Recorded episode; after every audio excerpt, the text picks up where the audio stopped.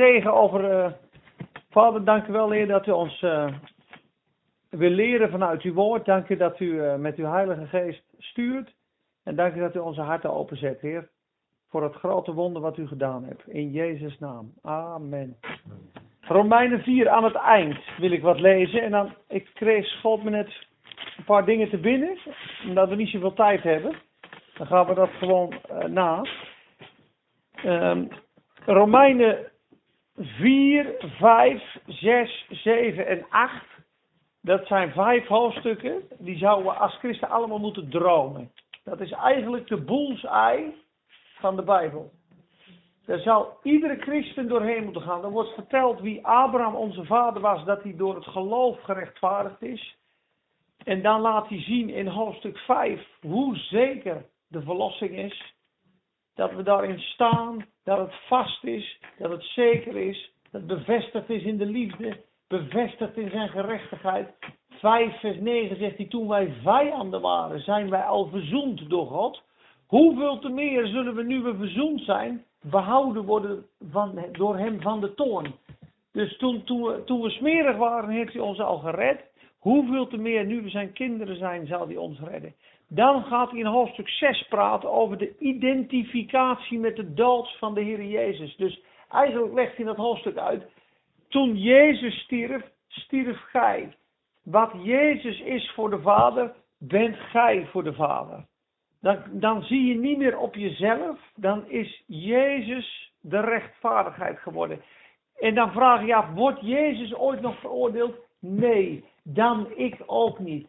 Want dat staat er duidelijk, wetende dat Christus eens voor de zonde gestorven is, de nooit meer zal sterven, want de dood heerst niet meer over hem. Dan zegt vers 11, op gelijker wijze moet gij uzelven ook dood rekenen voor de zonde, maar levend voor God, als mensen die dood waren, maar thans opnieuw geboren zijn tot de heerlijkheid des Vaders.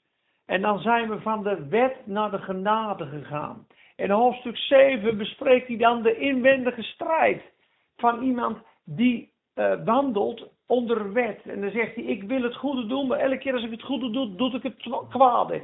Ik wil, ik wil, ik wil. In dat hoofdstuk vind je 49 keer het woord ik, mijzelf en mij. Hij is constant met zichzelf bezig, constant in eigen kracht.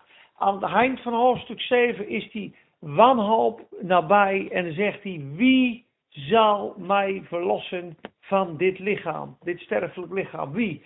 Hij zoekt het niet meer in zichzelf. Hij is aan het einde van zijn eigen gekomen en zegt wie? En dan zegt hij, ik dank mijn God door Jezus Christus, mijn Heer. Hij heeft zich overgegeven aan de Heer Jezus. Dat had hij al gedaan bij het kruis, maar nu doet hij dat ook in zijn dagelijkse wandel. Ik probeer goed te leven. Nee, ik kan niet goed leven. Ik wil het wel, maar het goede uitwerken kan ik niet. Romeinen 7, vers 18. Het wensen is bij mij aanwezig. Ik wens een zuiver, geduldig, liefdevol christen te zijn, maar het goede uitwerken kan ik niet. Want het is, hij is verkocht onder de zonde. Dus het, het menselijke vlees kan de gerechtigheid van God niet werken. Dan komt de overwinning in hoofdstuk 8. Dan zie je zichzelf is die kwijt en het gaat over de geest. Nu heeft dan de, geest des levens mij vrijgemaakt van de wet van de zonde en de dood. En dat werd vergeleken, hebben we vorig jaar besproken. En deze, dit mapje is onderworpen aan de zwaartekracht, de wet van de zwaartekracht. Hij kan niet vliegen. En zo zijn wij als een magneet, worden we getrokken naar de zonde. En niets in ons kan de zonde overwinnen. We zeiden, onze wilskracht is niet sterker dan de zondemacht. Wat je ook doet, wat je op karakter ook wil presteren. De Satan, de zondemacht, is sterker dan onze wilskracht. We hebben de kracht van de Heilige Geest nodig. En de Heilige Geest is een luchtballon die ons dwars door de zwaartekracht heen trekt. Omhoog, in de kracht van de opstanding van de Heer Jezus Christus. En dat is het leven wat hij voor ons wil leiden. Dus we moeten zien, wie zijn we in hoofdstuk 4, wat hebben we gekregen, wat is er gebeurd in hoofdstuk 5, wat is in hoofdstuk 6 met mij gebeurd. dus de inwendige strijd in hoofdstuk 7. Je bent aan het einde gekomen en je komt in hoofdstuk 8. En hoofdstuk 8 begint. Er is geen veroordeling meer voor hen die in Christus Jezus zijn. En dat hoofdstuk eindigt. Niets, maar dan ook niets, maar dan ook niets kan mij scheiden van de liefde van God. Welke in Christus Jezus onze Heer is. Geen veroordeling, geen scheiding. Dat is een overwinning. En dan zijn we in het einde van hoofdstuk 4 en dan begin ik in vers 18. En dat gaat dan over Abraham. En na 14 jaar ging hij met Hagar, omdat het te lang duurde. En Sarah zei natuurlijk, nou dat gaat niet meer gebeuren. Dus ga maar met Hagar. Maar hier wordt daar niet meer over gesproken. Hij wordt hier geprezen. Dat is bijzonder, hè? Daarna is hij gerechtvaardigd omdat hij in het geloof Isaac verwekt heeft. God komt er niet meer op terug, want er staat hier. en hij heeft tegen alles ingehoopt en geloofd. Dus hij moest eerst lachen, Sarah lachte. Hij zei, op een gegeven moment heeft hij natuurlijk met Ismaël gezonden. Er wordt niet meer over gesproken. Ook in het hoofdstuk uh, Hebreeën 11 over de geloofshelden wordt niet meer over de zonde gesproken. Er staat, zie dan de geloofshelden. Simpson, en die, en die, en die, nou Simpson was een rokkenjager. Maar dan staat daar gewoon, let eens op Simpson, wat een grote uh, overwinnaar in het geloof dat was. Maar hij heeft tegen alles ingehoopt en geloofd dat hij een vader van vele volken zou worden. Overeenkomstig wat gezegd was. Zo zal uw nageslacht zijn. En niet verzwakt in het geloof, heeft hij er niet op gelet dat zijn eigen lichaam reeds verstorven was hij was ongeveer 100 jaar oud. Dat ook de moederschoot van Sarah verstorven was. En hij heeft aan de belofte van God niet getwijfeld door ongeloof. Mooi hè, dat, dat God er niet meer op terugkomt. Maar werd gesterkt in het geloof, terwijl hij God de eer gaf. Hij was er ten volle van overtuigd dat God ook machtig was te doen wat beloofd was. Daarom ook is het hem tot gerechtigheid gerekend. Nu is het niet alleen ter wille van hem geschreven dat het hem toegerekend is, maar ook ter wille van ons, aan wie het zal worden toegerekend. Aan ons namelijk die geloven in hem, die Jezus, onze Heere, uit de doden opgewekt heeft. Die om onze overtredingen is overgeleverd, is, die om onze overtredingen is overgeleverd en opgewekt om onze rechtvaardiging. Nou, en de grootste sleutel staat in dit vers 4, vers 25. Er staat, hij is overgeleverd voor onze misdaden, voor onze zonden. Ja, daar staat hij, hij is opgewekt voor onze rechtvaardigmaking. Nou, dat staat er niet helemaal goed, want er staat het Griekse woord dia. Er staat eigenlijk, hij is opgewekt toen wij gerechtvaardigd werden. Dus zijn opstanding rechtvaardigt ons niet. Nee, zijn opstanding is het bewijs dat we gerechtvaardigd zijn. Je moet nagaan, Jezus werd zonde gemaakt. De, de zondeloze Jezus wordt op het kruis zonde gemaakt. Hij is eventjes plat uitgedrukt, pikzwart. Ja? Hij sterft. Hij is nog steeds pikzwart. Wij sterven met hem. Dan wordt de zonde in de dood gebracht. De dood is de straf voor de zonde.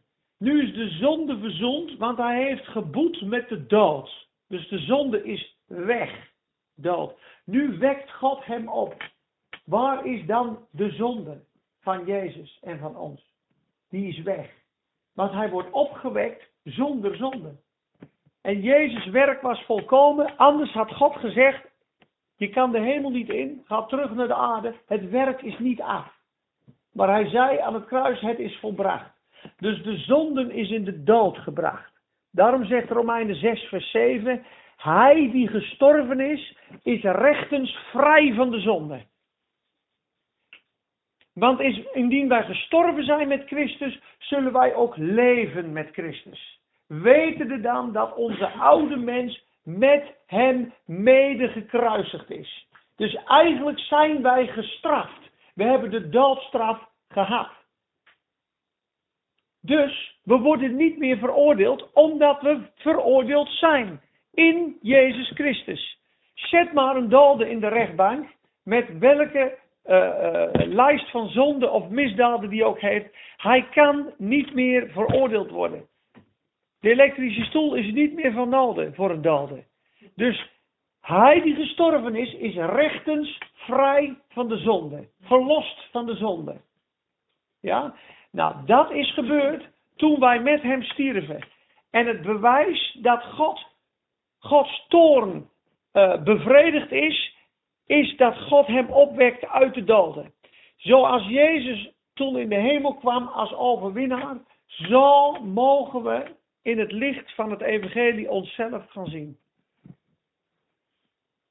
Dus de vraag is nooit meer, ben ik acceptabel voor God? De vraag moet zijn, is de Heer Jezus acceptabel geweest voor God? Ja, dan ben ik het ook, want ik ben met hem gestorven. De oude Peter, de oude Marie, de oude Marcel is begraven. En hij is herschapen. We zijn opnieuw geboren. Een nieuwe schepping in Christus Jezus. Die is uit God geboren. Die is rein, heilig, wit en puur. En daar willen we over nadenken. Dat wij eigenlijk zo schoon en zo zuiver als de Heer Jezus Christus zelf zijn. Want anders was er voor ons geen hoop meer. Want ook vandaag hebben we gezondigd. En ook vandaag schieten we tekort. En ook morgen schieten we tekort. Dan zou God ons weer moeten veroordelen. Want dan zou de zonde, het loon van de zonde is de dood. Dan zouden we elke dag moeten sterven en opgewekt worden. Maar daar heeft God mee afgerekend. En daarom zegt hoofdstuk 8, er is geen veroordeling meer in vers 1 voor hen die in Christus Jezus zijn. Want wat de wet niet kon, omdat zij zwak was door het vlees van de mens, heeft God een oplossing gemaakt door zijn eigen zoon te zenden in de gelijkheid van het zondige vlees. En in het vlees van zijn zoon heeft hij de zonde veroordeeld. Dus hij heeft de zonde veroordeeld. Dus de zondeprobleem is opgelost. Het zondeprobleem is opgelost. Aan alle kanten. God heeft het zondeprobleem opgelost in Christus. Ja, zo is het. We denken van ja, ja, ja, ja. Maar we doen nog elke dag zonde. Ja. Maar hij rekent ze niet meer aan, want hij heeft de zonde eens en voor altijd bestraft. Dus het wonder is zelfs zo, dat zegt hij ook, hè? kijk maar eens in hoofdstuk 8, vers 3. Kijk, want hij gaat namelijk uitleggen waarom is er geen veroordeling meer. Hoofdstuk 8, vers 1 begin ik nog een keer. Dus er is nu geen verdoemenis voor hen die in Christus Jezus zijn. Die niet naar het vlees wandelen, maar naar de geest. Want de wet van de geest van het leven in Christus Jezus heeft mij vrijgemaakt van de wet van de zonde en van de dood. Want wat voor de wet onmogelijk was, krachteloos als zij was door het vlees, heeft God gedaan. Wat heeft God gedaan? Hij heeft zijn eigen zoon gezonden in een gedaante gelijk aan het zondige vlees. En dat omwille van de zonde. Dat is een heel moeilijk vers. En de zonde heeft hij veroordeeld in het vlees. Met andere woorden. Ik zondig op dit moment zondig ik. Stel je voor, ik zondig. Dan zou ik in het Oude Testament schuldig staan voor God. Zou ik naar de tempel moeten? Zou ik naar de hoge priester moeten? Zou er een offer gebracht moeten worden van een stier? En dan zou ik weer verzoend verder kunnen gaan. Ja? Dan moet je nagaan dat wij nu gerechtvaardigd zijn en dat Jezus is onze gerechtigheid. Nou komt het wonder en ieder natuurlijk denken blokkeert hierbij. Daarom is het een bovennatuurlijk evangelie en daarom stelt hij ook de vraag in hoofdstuk 6. Moeten we dan maar blijven zondigen als de genade zo groot is? Maar dat is het antwoord niet. Het antwoord is dat op het moment dat je zondigt, nu, ja, heeft God die zonde, die zonde alweer veroordeeld in het vlees van de Heer Jezus Christus. Dat is op Golgotha gebeurd. Dus nu wordt de zonde niet meer aangerekend. Kijk maar eens in hoofdstuk 4, vers 7 en 8. Gezegend is de man van wie de Heer de zonde niet meer aanrekent. Dat is een wonder. En dan staat er, wordt deze gezegendheid, wordt deze zegen dan alleen aan Abraham gegeven of ook aan allen die geloven? Dus met andere woorden, God heeft al onze zonden tot de dag dat wij sterven in het lichaam van Jezus ter dood gebracht en veroordeeld. En daarom kan niets ontscheiden van zijn liefde. En daarom is er geen veroordeling meer. Want anders zou ik elke dag schuldig staan voor God. En nu denken wij, dat is mooi, een vrijbrief om te zondigen. Nee, want wat gebeurt er op het moment dat de zonde verzoend is, dan valt het juk van je af. Dan komt er geen veroordeling, dan komt de Heilige Geest, die, die luchtballon, die wet komt. En wat produceert het? Liefde en ontzag voor God. Want wat willen mensen? Wij willen allemaal de Heer Jezus volgen. Niemand hier He, zit er maar uh, te bedenken, hoe kan ik zoveel mogelijk zondigen en ermee wegkomen? Dat heeft niemand hier. We willen allemaal een leven leiden in de heilige overeenstemming met God. Maar we zien in hoofdstuk 7, hoeveel je probeert om heilig te leven, hoe meer je erachter komt hoe onheilig je bent. Dus God heeft voorzien in een bovennatuurlijke weg door het geloof. En hij zegt, ik reken je de zonde niet meer aan. En dat is een wonder. En dat kan alleen ontvangen worden in kinderlijk geloof, geopenbaard door de Heilige Geest. Want ieder denken, die, die kan dit niet aanvaarden. Maar je moet jezelf, dat zegt hij, reken uzelf als mensen die dood zijn. Ja, maar opgestaan in het leven. Opgestaan in een nieuw leven. Romeinen 6 vers 11. Reken uzelf dan dood voor de zonde. Dus je zondigt, de aanklager komt, hé, hey, je hebt gezondigd. En wat zeg je dan? Ik ben gekruisigd met Christus. Ik ben gestorven aan deze zonde. Heer, ik dank u wel voor uw genade. En tuurlijk praat je er met God over. En zeg je, hier, dat is fout. En beleid je zonde. Zelfs als je getrouwd bent. Hè, je, je gaat niet gelijk scheiden als je een woordenwisseling hebt. Maar je kwetst elkaar. En de gemeenschap wordt verhinderd. En als je dus niet praat en je maakt het niet goed, is de, is de communicatie niet gezegend. En zo is het met God ook. Als je roddelt, of je bent boos, of je bent onredelijk, of je hebt dingen niet goed gedaan, dan wordt het contact en de vrede wordt wel onderbroken. Er is geen veroordeling, maar er is wel een onvrede. En op het moment dat je in het licht wil wandelen, zeg je, Heer, dat was niet goed. Ik dank u wel dat u hier zorg voor gedragen hebt. Reinig mij met uw bloed, want u bent mijn eeuwige offer. En dan is de vrede en de gemeenschap met God weer hersteld. Dat een beetje duidelijk? Ja. Goed.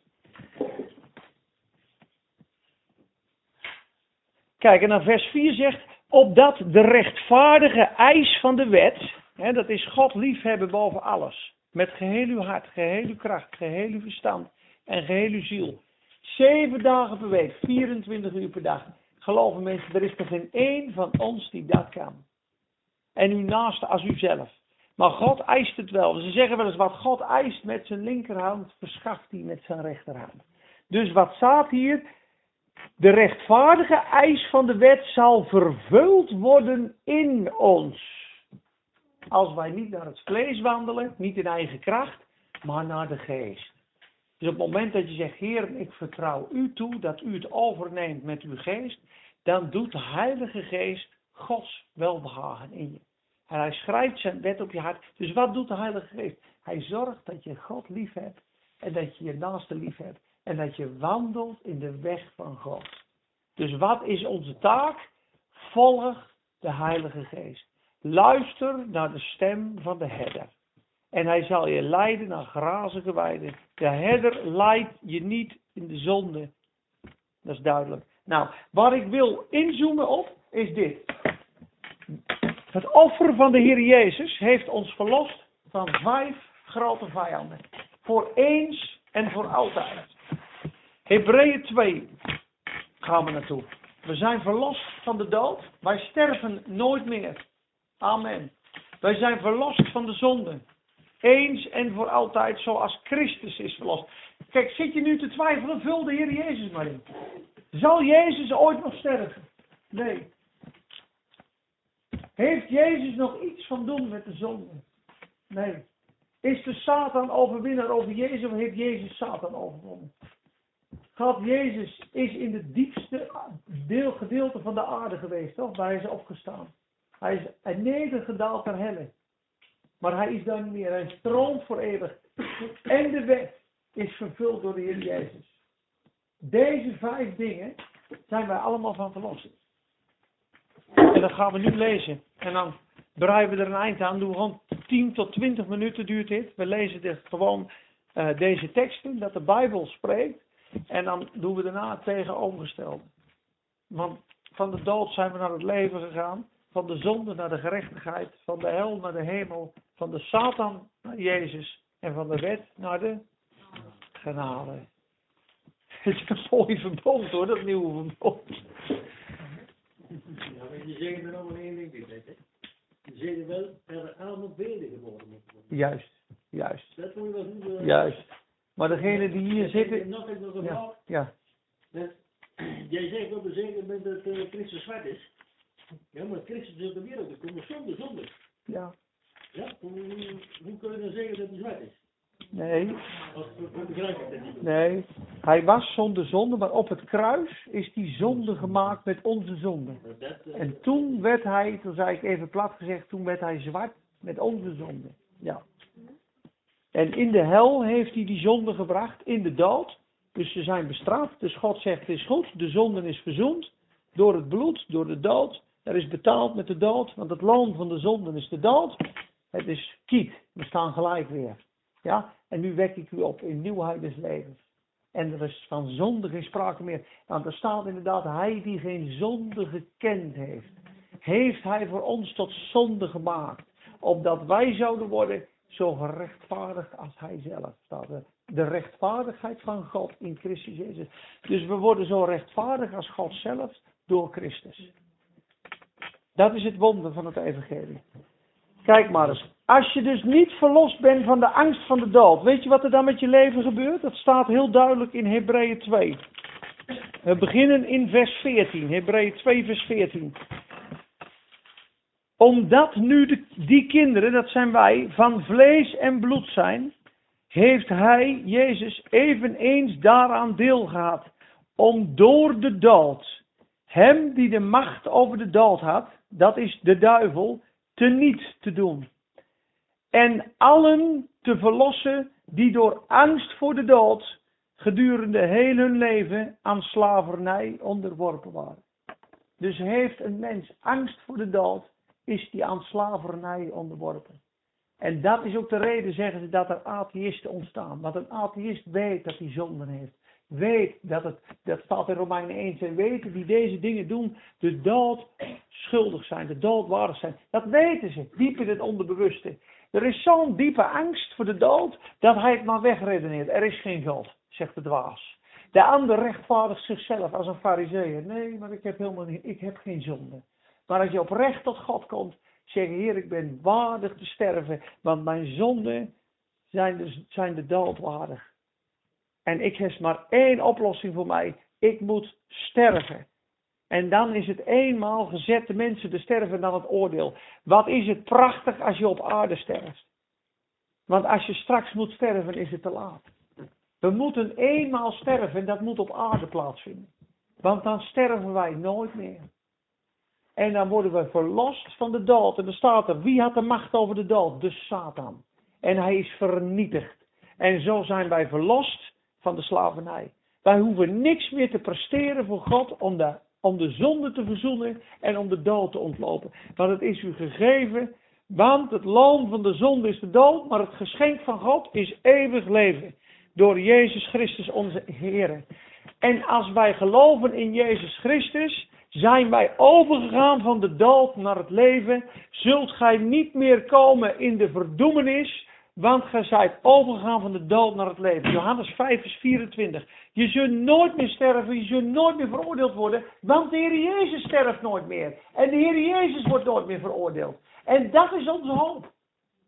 In onszelf zijn we altijd schuldig. In onszelf zijn we altijd zwak. Maar je moet rekenen, ik leef niet meer. Het is Christus die leeft in mij. En het leven wat ik nu leef, leef ik door geloof in de Zoon van God. Die zichzelf voor mij heeft overgegeven en mij heeft liefgehad. Ik doe de genade van God niet te niet. Want indien gerechtigheid komt door de werken der wet, door wat ik doe, is Christus te vergeefs gestorven. Dus wij zijn gerechtvaardigd. Wij zijn heilig. Wij zijn als Jezus in de ogen van God. Niet in goddelijkheid, maar wel in natuur. Omdat wij kinderen van God zijn. zijn wij geboren. Hij staat zelfs, wij zijn verkregen door het woord der waarheid. Hij heeft ons gebaard met het woord der waarheid, met het zaad van de Heer Jezus. En wij hebben zijn bloed in ons. We hebben net gedronken van zijn bloed en gegeten van zijn lichaam. Wij zijn leden van zijn lichaam, gebeente van zijn gebeente. Efeze 5 vers 30, vlees van zijn vlees. En wie drinkt de beker der dankzegging is een eenwording met het bloed van het lam. Die wordt één met het bloed. Dus het bloed is waardevol voor God. We spraken er net over. Wij zijn waardevol voor God. Hoe waardevol? Zo waardevol als zijn zoon. Want wat was de prijs waarmee hij ons kocht? Zijn zoon. Dus wat is het prijskaartje wat aan ons hangt? Zijn zoon. Wat is dan de waarde die wij hebben? Zijn zoon. We zijn net zoveel waard als de zoon. En dat is het grote wonder. 2 Timotheus. Leren jullie wat? Ja, zeker.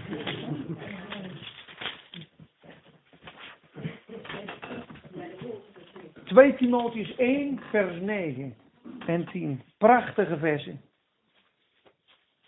En dat zie je ook zo mooi in, in Romeinen 8. Hè? Die hij tevoren gekend heeft, heeft hij ook tevoren geroepen. Ja, om beelddrager van zijn zoon te worden. Die hij geroepen heeft, heeft hij gerechtvaardigd. Die hij gerechtvaardigd heeft, heeft hij ook al verheerlijkt. Dus voor God staat het van eeuwigheid tot eeuwigheid vast. Die ik hier kende in de eeuwigheid, die heb ik geroepen. Die ik geroepen heb, heb ik rechtvaardig gemaakt. Die ik rechtvaardig gemaakt heb, heb ik verheerlijkt. Met andere woorden, die zegt, ben je een kind van God? Voor mij ben je al in de hemelse gewesten, ben je al verheerlijkt. En dat lees je hier ook. Wat zeg je? Dat is in Romeinen 8, vers 29 en 30. Maar hier staat heel mooi, hij heeft ons zalig gemaakt en geroepen met een heilige roeping. Niet overeenkomstig onze werken, maar overeenkomstig zijn eigen voornemen en genade, die ons gegeven is in Christus Jezus voor de tijden der eeuwen. Maar nu is geopenbaard door de verschijning van onze zaligmaker, Jezus Christus, die de dood teniet gedaan heeft en het leven en de onvergankelijkheid aan het licht heeft gebracht door het evangelie. Het leven en de onsterfelijkheid. Onvergankelijkheid. Dus van de dood zijn we naar het onvergankelijke leven gegaan. Dat is het nieuwe leven, het hemelse leven. Iemand zei de laatste keer mij, het leven wat je van je vader en moeder gehad hebt is aards, is natuurlijk, is tijdelijk. Dat stopt. Maar het leven wat je van God gehad hebt, is eeuwig, is goddelijk en stopt nooit en kan niet sterven. Want het is sterker dan de dood. Is dat niet mooi? In die veiligheid leef je hoor. Daar word je toch gelukkig van?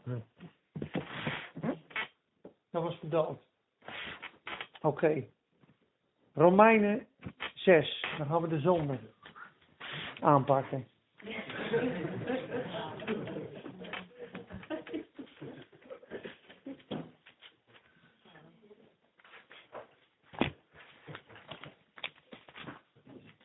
Wil ik eens kijken? Romeinen 6.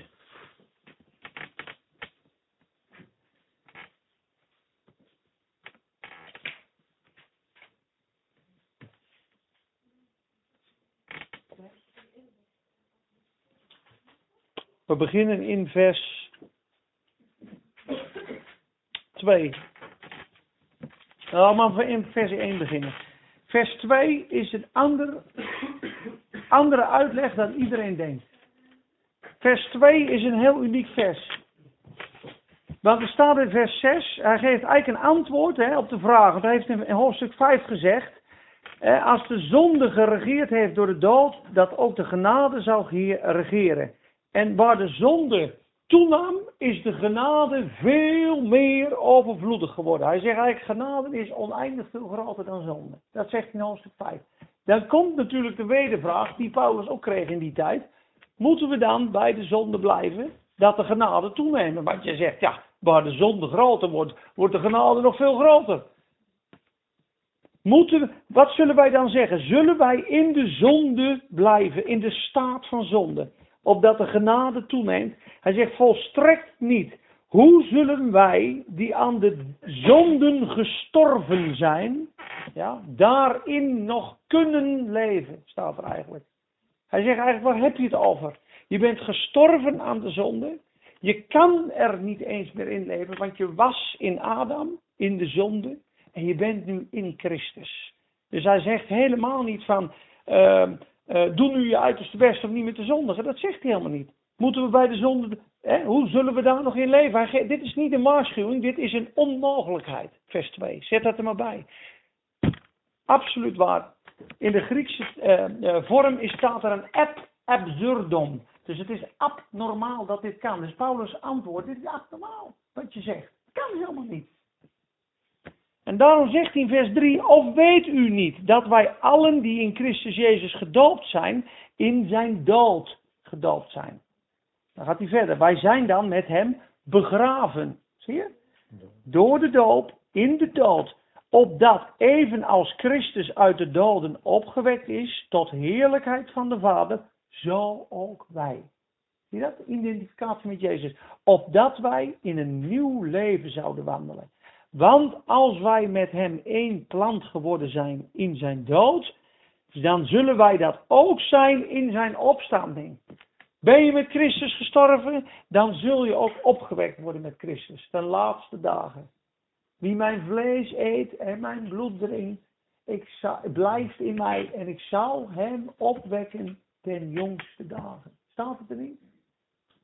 Ik heb het wel eens aan de lijve ondervonden toen ik om kwart voor drie moest beginnen met stoepie. En dan was ik, uh, had ik me verslapen. Dan kwamen oud beukers aan mijn deur. En dan woonde ik op de Spuistraat. En ik, er was eerst een gang, dan een trap, dan een appartement, dan weer een trap. En dan helemaal achterin sliepen wij. En het was half vier al, dus ik was te laat. Toen is hij door die brievenbus gaan schreeuwen. En toen hoorde ik...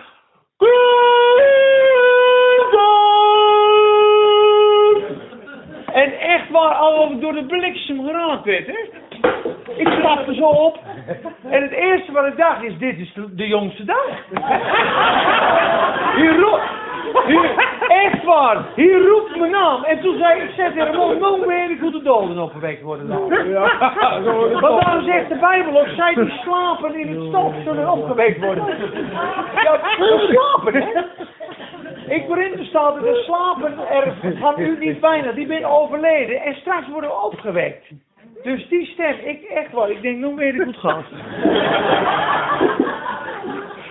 Nee, je zult ook hier leven. Ja. ja.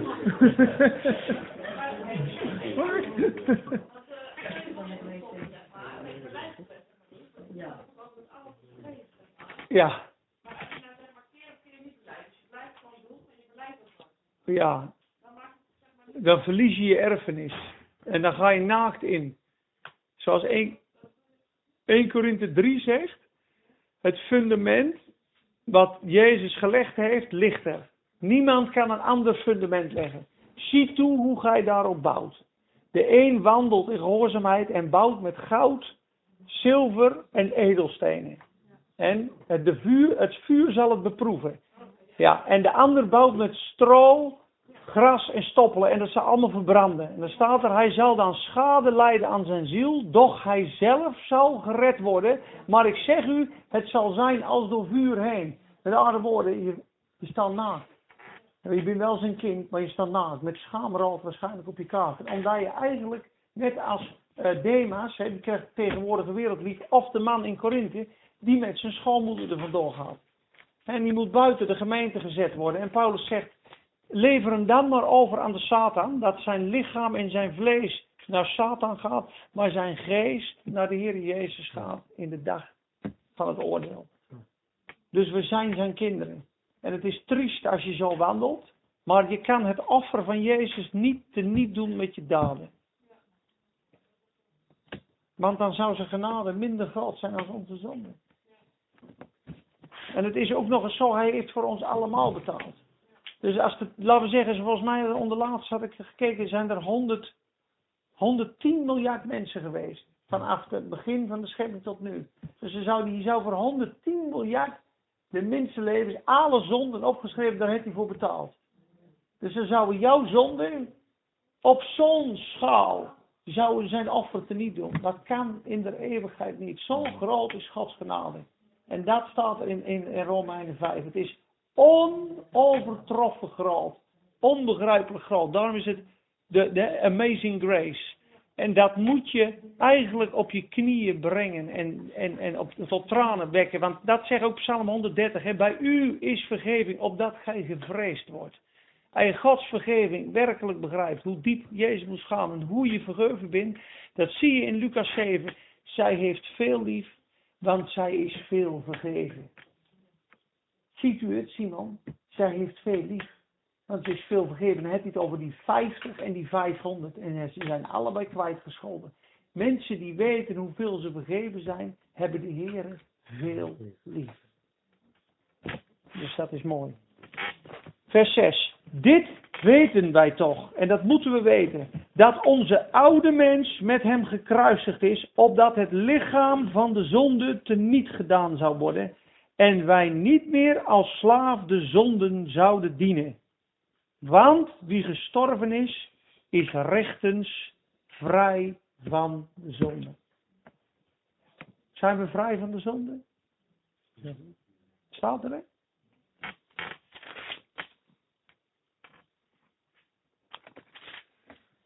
Dus de zonde is verzoend. Door Jezus. Nou, de Satan, dat hebben we net gezien. Dat is degene die de macht had over de dood. De Satan is ook verslagen.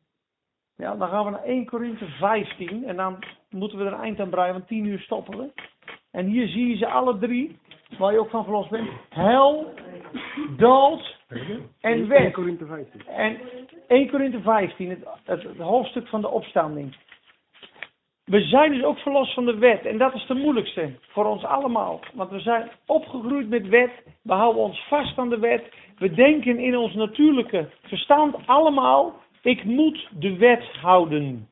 Denken we allemaal. Ik moet de wet houden. Vraag maar eens aan iemand, waarom heeft God de wet gegeven? Om te houden natuurlijk.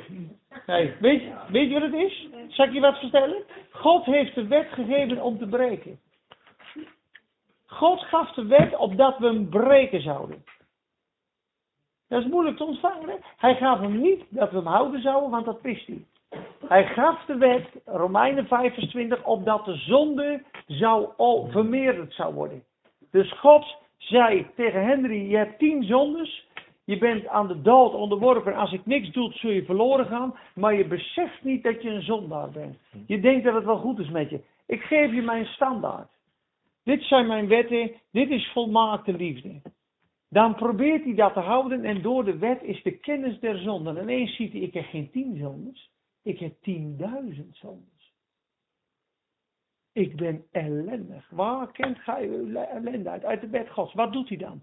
Dat is de tuchtmeester die ons tot Christus brengt. Hij wordt wanhopig. Hij zegt, oh Heere, wees mij zondaar genadig. Ik heb uw wet gebroken, ik kan uw wet nimmer ter meer vervullen. Want die wet is zo heilig als God zelf. Want wij zijn verkocht onder de zonde en wij zijn vleeselijk. Maar de wet is geestelijk. Dus hetzelfde als je een of een varken autorijles gaat geven. Ja, maar zo is het. Breng maar een varken naar uh, rijschool Brigitte en eh, zet hem maar achter het stuur. Ja, ja. maar je begrijpt, het, je begrijpt wat ik zeg. En hier laat hij zien, eens kijken wat de wet is. Let op, waar zullen wij beginnen? In 52. In een ondeelbaar ogenblik, straks, in een oogwenk, bij de laatste bazuin. Immers de bezuin zal klinken en de doden zullen als onvergankelijke mensen opgewekt worden. En ook wij zullen veranderd worden. Want dit vergankelijke moet zich met onvergankelijkheid bekleden. En dit sterfelijke moet zich met onsterfelijkheid bekleden. Wanneer dit vergankelijke zich met het onvergankelijkheid bekleed zal hebben en dit sterfelijke zich met onsterfelijkheid bekleed zal hebben, dan zal het woord geschieden dat geschreven staat. De dood is verslonden tot overwinning.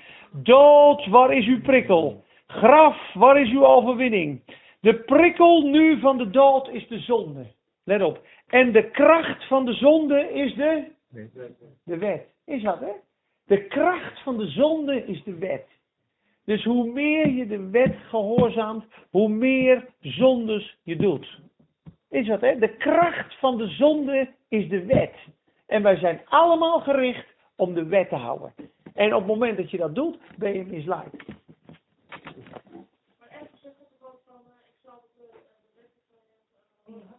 In je hart, ja, ja. Nou, de vervulling van de wet is liefde en God schrijft het in je hart. Maar het gaat hier erover dat een mens, wij van nature, ja, proberen dus de letters, ja, de letter dood, maar de geest maakt levend. Wij dienen dan nu niet meer in de oude staat, die van de letter, maar wij dienen in nieuwheid des levens, namelijk in die van de geest. De wet des geestes. Dus we moeten door de geest de wet vervullen. En dat doet Jezus door zijn geest door ons heen. Maar wij zijn allemaal van natuurlijke. Morgen staan we op. En het eerste natuurlijke denken wat wij hebben is: ik moet God gehoorzamen. Zit er allemaal in. Dat is wettisch denken. Ik moet goed doen, dan is God blij met mij. Ik moet goed doen, dan aanvaardt God mij. Dan heeft hij mij lief. En aan het eind van de dag, heel vaak, doen we allemaal, waar je s'avonds denkt, oh, even mijn zonde beleiden. Uh, dit ging niet goed, dit ging niet goed, dit ging niet goed, dit ging niet. Morgen proberen we het weer. ja, eigenlijk is het onzin, maar we, we weten dat we morgen zullen falen. Dat weten we al. En God weet het ook. Maar toch zegt hij, ik wil dat je stopt om naar je zonde te kijken. Kijk niet naar je zonde, kijk naar mijn zoon. Peter, mag ik even wat zeggen? Ik heb toevallig hier een stukje, want eigenlijk heeft die opmerking Prima. over de wet gaat. Ja, Dat ik eigenlijk altijd in de Bijbel zitten. fantastisch. Eh, als Jezus met de fariseeën strijd heeft, dan is dat niet omdat zij God niet gehoorzamen, maar omdat ze Gods wetten veel strenger maken dan dat zij in werkelijkheid zijn. Mhm. Zodat mensen slaven worden van de wet en niet langer in de vrijheid leven die Jezus wil geven. Mhm. Ja, dus hij heeft het eigenlijk heb je het erover dat er nog eh, eh, meer geboden gecreëerd worden door mensen zelf. Ja. Ja. Dus het is zelfs zo, daar hebben we het gisteren ook over gehad, ik weet niet of Agriet er nog is, nee die is er niet meer, dat je onder een wet kan leven die niet de tien geboden is, maar die je jezelf oplegt. Wij zijn heel goed in wetten creëren. Ik moet lezen, ik moet bidden, ik moet dit. Alles wat je jezelf opdraagt, zijn geboden en leringen van mensen die van de waarheid doen afkeren. Zij hebben wel een schijnreden van wijsheid, Colossense, maar zijn in geen enkele waarde tot nut. Ze zijn alleen tot verzadiging van het vlees. Dus alles wat je in eigen kracht doet, zijn dode werken. Al onze gerechtigheden zijn als een wegwerpelijk kleed voor de Heer. Dus we kunnen maar stoppen om je best te doen voor God en zeggen: Morgen, Heer, ik, ik verwacht niks van mezelf. Ik dank u dat u een nieuwe en levende weg gemaakt hebt. Door uw zoon, door het voorhangsel. Ik prijs u dat ik uw kind mag zijn. Heer, ik heb de vrijheid om fouten te maken vandaag, want uw genade heeft voor mij voorzien. Ik zie op u, ik zie op het lam. Til mij op met uw Heilige Geest. En op het moment dat je wandelt in de Geest, is het alsof je wandelt in de zon. En je wordt langzaam bruin en je gaat steeds meer op Jezus lijken. Let maar eens op, als je blij bent in God en je komt van een kerkdienst terug in, in gesprekken zoals dit. Zijn we nu aan het zondigen? Zijn we nu aan het zondigen? God neemt het toch over? We hebben het nu toch over de Heer. Straks als je thuis komt, je haalt je ogen van de Heer Jezus af, je komt in eigen kracht, dan kun je beginnen met piekeren, dan begin je te zondigen. En hier begin je vaak in eigen kracht te denken, oh, je best doen. Maar dat is fout. Je moet terug naar de Heer Jezus en dat moeten we leren. Daarom zegt Romeinen 7, de zonde is de Satan zelf. Kijk maar eens, moet je kijken hoe listig die is. Romeinen 7. Gaan we, en dan gaan we zo weer terug. Kan wel even, hè? Moet je kijken hoe listig de Satan is. De Satan weet namelijk dat wij de wet niet kunnen houden. En Romeinen 7, vers 11 is dat. Kijk, ik, ik begin eventjes uh, in vers 7. De wet leert de zonde kennen. Wat zullen wij dan zeggen? Is de wet zonde? Natuurlijk niet. Volstrekt niet. Ja, ik zou de zonde niet hebben leren kennen, dan door de wet.